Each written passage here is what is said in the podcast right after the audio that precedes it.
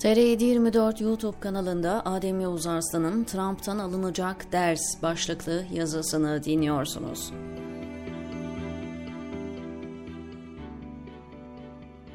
Trump gibi birisinden ne ders alınabilir ki diyenlerdenseniz çok fena yanıldığınızı söylemeliyim.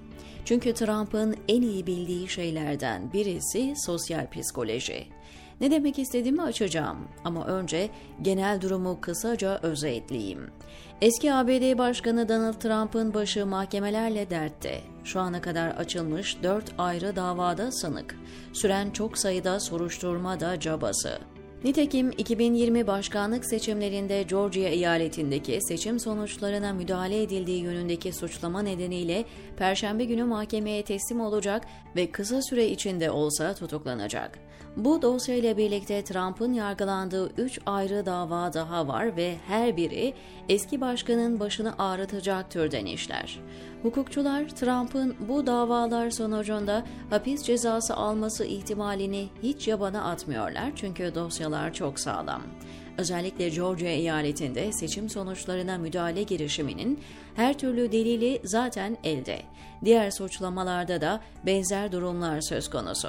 Yani Trump'ın mahkemelerde işi çok zor. Yeri gelmişken çok tartışılan bir konuyla ilgili hatırlatma da yapayım. Zarrab davasında da şu türden yorumlar, sorular sıklıkla geliyordu. Soruşturmaların davaya dönüşmesi çok uzun zaman alıyor. Bu süre zarfında tabiri caizse atı alan Üsküdar'ı geçiyor. Kısmen doğru ama eksik bir tespit. Çünkü ABD hukuk sistemi Türkiye'den çok farklı. Burada savcılar çok yavaş ve temkinli çalışıyor.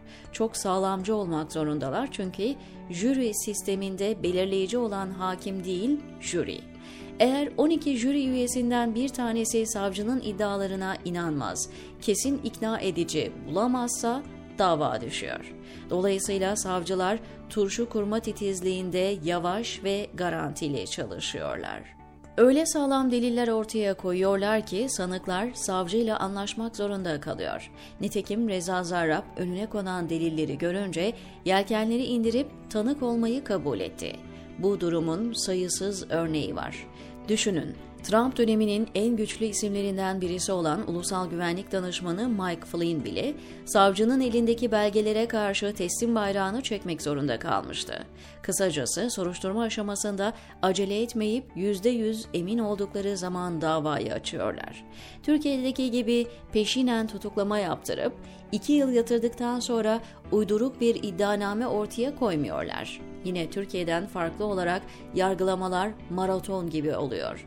Duruşmalar başladığı zaman arka arkaya her gün yapılıyor ve yargılama dosyasının büyüklüğüne göre 2 hafta ile 4 hafta içinde bitiriliyor.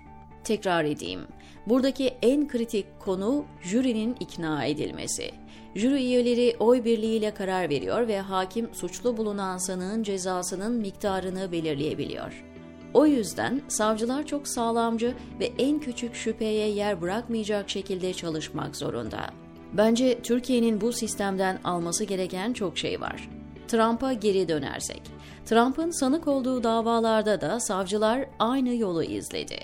Yavaş ama derinden gittiler ve Trump'ın elini kolunu bağladılar. Her dosyada elleri çok güçlü. Jüri üyelerinin Trump'ı suçlu bulması kimseyi şaşırtmayacak. Peki Trump ne yapıyor? Nasıl bir sistematik izliyor? Başlıkta dikkat çekmeye çalıştığım Trump'tan alınacak derse burada karşımıza çıkıyor. Trump bir şeyi çok iyi biliyor. Davaları mahkemede değil, kamuoyunda kazanmak daha önemlidir. Bu yüzden Trump delilleri ya da suçlamaları konuşturmak yerine olayı doğrudan politik düzleme çekiyor ve toplumu kutuplaştırıyor. Sosyal medyayı etkin kullanıyor. Popülaritesini kullanarak da taraftarlarını konsolide ediyor. Açıkçası bu yönüyle savcıların işi zor çünkü karşılarındaki kişi aynı zamanda bir medya ünlüsü ve manipülasyon uzmanı. İyi de Trump inkar edilemeyecek delillerle yakalanmış, mahkemede kazanamayacağı davayı kamuoyunda kazansa ne olur diyenlerdenseniz kestirmeden söyleyeyim. Trump evrensel bir kuralı takip ediyor. Kamuoyunu kazanmak davaları mahkemede kazanmaktan önemlidir. Buyurun Türkiye örneklerine bakın. Ergenekon, balyoz, askeri casusluk ve benzeri davaların hepsinde çok güçlü deliller vardı. Ancak sanıklar medyayı çok iyi kullandılar ve kamuoyunu manipüle etmeyi başardılar. Cezaevinden çıkmaları Erdoğan'ın kendileriyle yaptığı kirli mutabakat vesilesiyle olsa da haklarını teslim etmek gerekir ki kamuoyunda mağdur edildikleri yönünde algı oluşturmayı başardılar. Mesela askeri casusluk dosyası.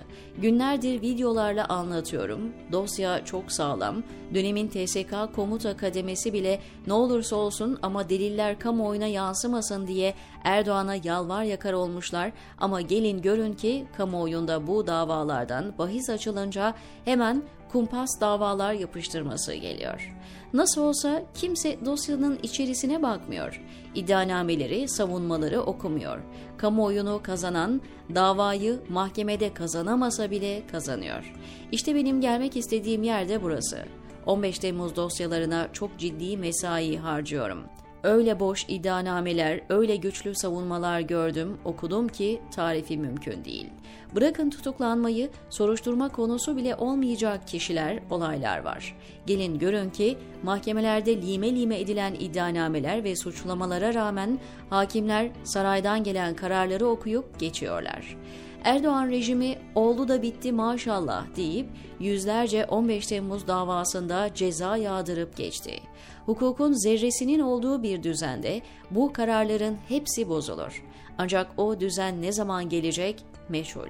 Oysa burada yapılması gereken şey basit. Sanıklar, mağdurlar mahkemeyi ikna etmeye harcadıkları enerjiyi, zamanı, kamuoyunu iknaya harcamadılar. Bir kısmı imkanı olmadığı, bir kısmı da bunun önemini fark etmediği için yapmadı. Mesela 15 Temmuz kumpasının en kritik mağdurlarından Gökhan Şahin Sönmez Ateş'in bir ifadesi bile rejimin resmi söylemini sarstı. Oysa ki okuduğum diğer savunmalarda da çok güçlü argümanlar ve bilgiler, belgeler var. Bu eleştiriyi yapıyorum ama bu işin o kadar kolay olmadığının da farkındayım. Zira 7 yıldır bir kez bile olsun sanıkların avukatlarına, aile fertlerine ya da kendilerinin mesajlarına yer vermedi sözüm ona bağımsız medya.